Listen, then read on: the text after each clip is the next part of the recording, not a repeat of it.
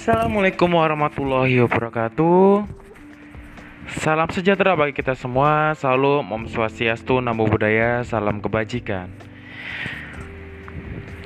Pendengar podcast dari Arya Sonodi Perdana, uh, salam jumpa kembali untuk mendengar kelanjutan dari podcast sebelumnya. Ini edisi kedua ya. Saya untuk memberikan uh, narasi podcast yang nantinya akan bisa didengarkan sama teman-teman semua. Nah, pada kali ini sebenarnya saya ingin menceritakan sih tentang kegiatan sehari-hari saya dan keluh kesah saya. Dan semoga ini bisa menjadi semacam pengalaman ya bagi kita juga bagi teman-teman semua agar dalam menghadapi suatu masalah di kaula muda ini bisa semacam lebih uh, bisa mengontrol dalam apa yang kita inginkan itu bisa sesuai dengan harapan nanti. Jadi jangan sampai harapan kita punya harapan di masa depan, tapi karena kita tidak bisa mengontrol pada saat uh, posisi saat ini, umur-umur sekarang dan kita akhirnya gagal dalam harapan kita. Oke gini teman-teman, uh, pasti teman-teman sering banget mendengarkan bahwa uh, di umur 18 sampai 25 itu masa-masa remaja yang tumbuh dewasa. Selain itu juga mengenal lawan jenis kemudian juga teman-teman juga pasti banyak semacam lebih uh, ingin mencari jati diri dan juga teman-teman juga ingin uh, ingin membuktikan gitu sih bahwa saya uh, akan menjadi apa ke depannya dengan jalan yang saya tempuh pada umur segitu. Seperti kisah saya saja, uh, di umur 18 itu benar-benar masa sebenarnya mencari jati diri dan masa jahiliyah saya. Saya bukan orang yang suka merokok, bahkan saya tidak merokok. Saya juga tidak minum. Saya juga tidak nakal uh, dalam artian nakal uh, anak-anak muda itu juga enggak. Tapi ada satu hal yang membuat uh, saya tidak bisa mengontrol diri saya ketika ada permasalahan tersebut dan itu permasalahan yang bisa dikatakan menurut saya negatif ke depannya karena itu buat buat dampak negatif bagi diri, saya juga gitu. Oke, saya jelaskan saja bahwa saya bukan tipe yang suka menonton film-film uh, seperti itu, film-film porno, film-film dewasa, film-film hot, bokep gitu ya mungkin ya. Pada umur SMA sampai kuliah. Ya pernah tapi nggak jadi nggak sampai kecanduan gitu maksudnya. Nggak sampai kayak apa ya uh, keterusan gitu loh. Karena menurut saya di luar dari waktunya nggak ada kedua juga kayak nolak gitu hatinya. Udah nolak pun bener-bener saya itu lihat kayak itu kayak udah langsung skip gitu untuk yang mikir yang lainnya gitu. Itu masa muda saya sampai SMA bisa dikatakan seperti itu. Tapi saya juga uh, tidak membohongi diri sendiri bahwa saya punya ada nafsu untuk melihat seperti itu. Namun pada saat ya bisa dikatakan remaja sampai SMA itu bisa menahan diri lah. Lanjut setelah saya SMA ke kuliah itu ya bisa dikatakan saya baru kenal coli itu di situ. Saya kenal coli itu pada saat umur sekitar ya mau 19-an lah ya 19-an uh, ketika memang menjadi anak kos itu benar-benar sebuah ujian gitu. Benar-benar sebuah ujian ujian mental kita itu benar-benar diuji. Fisik tuh menurut saya nomor dua mental. Mental tuh pengaruh banget sama psikis kita. Benar-benar pengaruh. Jadi saya merasa ya lumayan diuntungkan.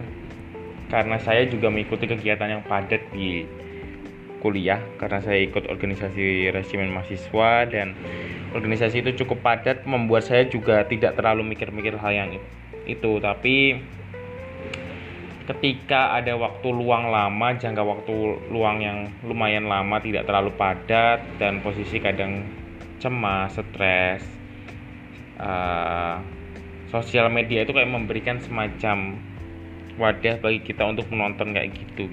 Walaupun sebenarnya itu tergantung kontrol bagi diri kita sendiri.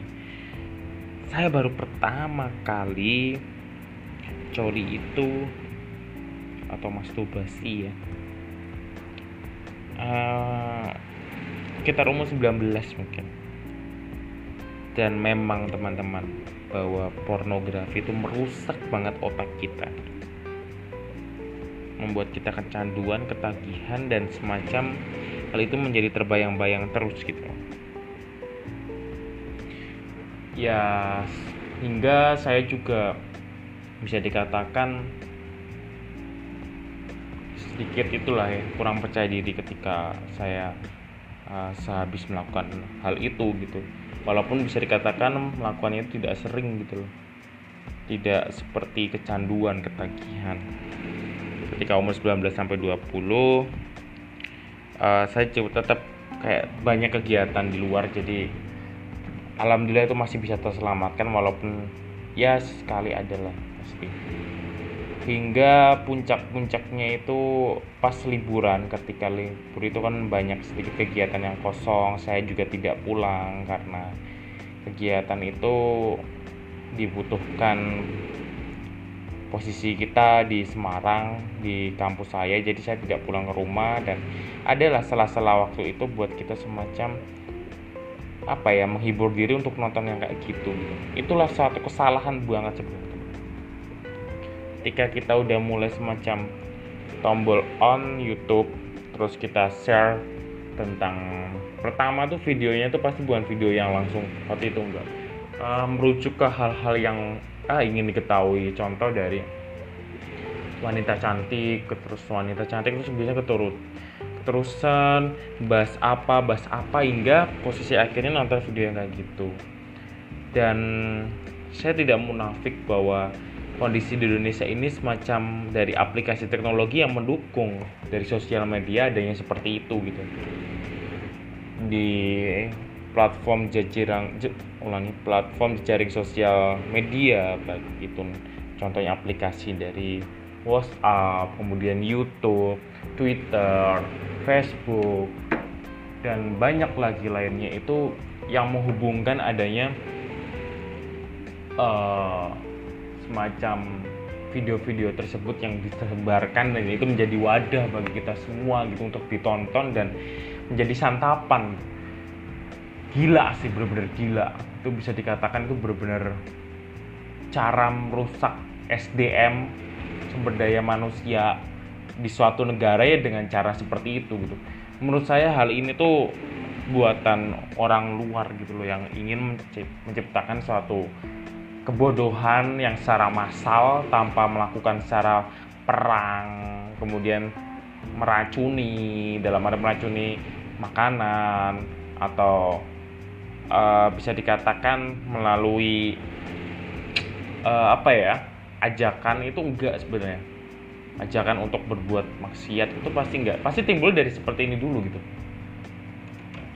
Dan bener-bener ini gila banget. Dan ini yang sebenarnya musuh kita bersama bagi pemuda.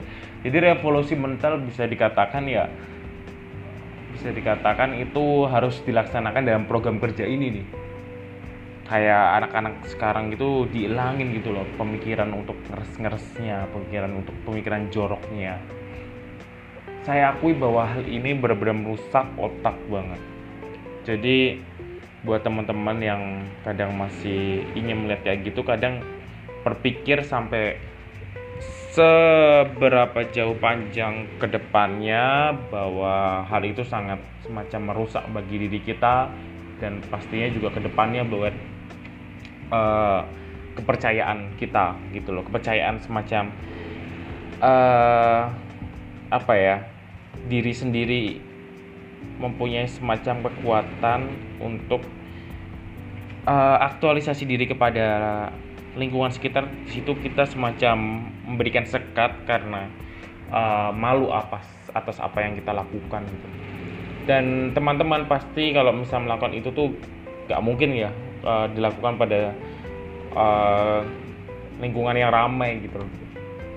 Kalau ada pun pasti itu orang stres gitu loh pasti orang yang benar-benar canduan banget lingkungan rame dia masih tetap tapi rasa itu tetap ada di lingkungan rame teman-teman. Karena itu kayak udah semacam masuk ke otak kita ketika kita lihat yang model-model seperti itu dari mungkin lawan jenis mungkin apa pun itu bisa menjadi semacam apa ya bisa dikatakan ya pemicu lah.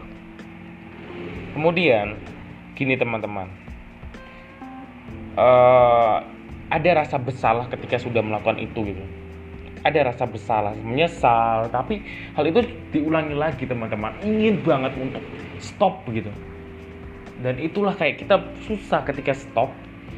Itu susah gitu loh bagaimana caranya ketika kita buka sosial media seperti itu lagi terus ada semacam imajinasi di otak kita untuk melihat seperti yang kayak gitu? Gak ada penahannya. Kadang kita udah stop HP kita tapi ada semacam uh, apa ya keinginan untuk buka lagi dan mohon maaf mohon maaf banget sampai pokoknya puas gitu uh, baru kita stop gitu. Dan kita akhirnya menyesal menyesal saya akui jadi di sini saya juga taat dalam artian agama saya sholat saya juga baca Quran saya juga uh, tidak agresif pada sama teman-teman cewek itu maksudnya rekan lawan jenis tapi saya juga melakukan hal itu gitu loh. Dan saya akui bahwa itu suatu perusak pikiran kita banget gitu. Ketika kita ingin fokus mikir itu tuh kayak kita hilang semacam kepercayaan diri gitu maka dari itu teman-teman uh, Semoga ini menjadi pelajaran bagi kita semua bahwa yang harus kita lakukan saat ini bahwa kita harus bersama-sama cari rekan, partner agar ketika kita ingin berbuat seperti itu ada yang semacam penahan kita ketidak berbuat seperti itu. Dan kedua ya pasti jauhi kegiatan di kamar sendiri gitu misalnya di kamar sendiri ya udah fokus sama kegiatan yang apa kalian lakukan. Contohnya belajar ya udah fokus belajar baca buku atau buat karya gitu. Jauhi bener-bener jauhi. Ketika kita ingin mendekati itu ingat gitu. Uh, dan lakukan secara bertahap gitu. Misalnya teman-teman ini uh, melaksanakan kegiatan kayak gitu tuh berulang kali dalam artian sehari bisa berapa kali. Wah itu udah bener-bener kecanduan sih teman ya bisa dikatakan kalau saya tuh pasti ada jangka waktunya lah. Nggak mungkin seminggu tuh lakukan terus-terusan setiap hari tuh enggak pasti ada rasa menyesal dan ingin tidak mengulangi lagi gitu. Uh, ketika hal itu udah dipunyai teman-teman itu ada suatu semacam sistem pertahanan diri bagi benteng diri kalian agar tidak melakukan hal itu lagi. Tapi yang pasti kita harus jauhi itu semua. Walaupun saya yakin nggak bisa secara proses langsung terus harus menghilangkan. Harus ada semacam kesibukan baru lagi, kegiatan baru lagi yang menyebabkan uh, kalian hilang dari kebiasaan ini. Susah, iya emang susah. Tapi kita harus benar-benar kerahin uh, apa yang kita punya dalam artian kekuatan diri kita untuk stop kayak gitu. Stop kayak gitu. Nah makanya teman-teman saran saya sih gini. Setelah tadi ada dua saran ya yang sebelumnya. Yang ketiga yaitu uh, jangan sampai teman-teman merasa putus asa gitu. Ah udah putus asa emang ini masalahnya anak muda masalahnya anak cowok. Jadi ya udah melakukan hal itu hal yang wajar jangan. Kalau dari segi agama udah pasti hal ini sangat tidak diperbolehkan bakal dilarang bahkan dosa berat gitu ya. Tapi yang namanya nafsu seksual itu pasti ada teman saya mengakui karena uh, sebagai kaula muda juga pasti banyaklah yang melakukan hal seperti ini. Maka dari itu ayo kita bisa bareng-bareng lawan ini semua. Ayo kita bisa kuatin negara kita dengan lawan-lawan yang model-model kayak gini. Nggak ada tuh yang model video-video kayak gitu. Nggak ada orang yang ganjen-ganjen di media sosial. Uh, open VC open apalah bla bla bla bla bla. Itulah semacam jalur awal orang bisa kecanduan tuh ya pasti karena karena ingin melihat seperti itu dulu gitu. Itu teman-teman. Jadi rasanya ya memang rasanya tuh kayak udah setelah keluar tuh udah puas tapi pasti bakal nyesel. Dan nyesel itu ya semacam ngurangi percaya diri kita ngaruh ke psikis. Ngaruh banget. Maka dari itu kalau kalian yang belum pernah nyoba-nyoba jangan jangan sampai. Bakal jadi kecanduan dan efeknya tuh bakal parahnya nanti kalau udah nikah gitu katanya nah iya makanya uh, sekedar sharing aja bahwa kadang ketika kita punya waktu banyak itulah sebenarnya jurang kita untuk sumber sumber pemikiran kita mikirin yang kayak gitu-gitu. Ketika kita sendiri ketika kita dalam kamar sendiri pasti banyak hal set hal pikiran yang ganggu setan untuk berpikir-pikir kayak gitu. Maka jauhin yang kayak gitu dulu sih susah memang tapi kita kok bisa kok bersama-sama lawan itu semua. Ingat teman-teman bahwa kita nggak sendiri gitu. Kita banyak yang support gitu. Ayolah kita ini kan niat kita baik. Pasti insya Allah ada jalan baik. Semoga selalu berdoa selalu beribadah. Jangan sampai uh, berpikiran bahwa Allah marah.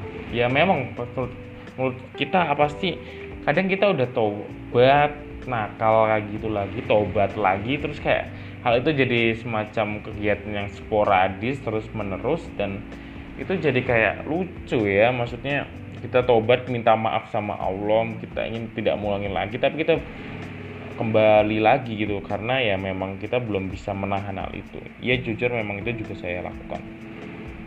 Saya merasakan ini apalagi pas pandemi. Wah kacau.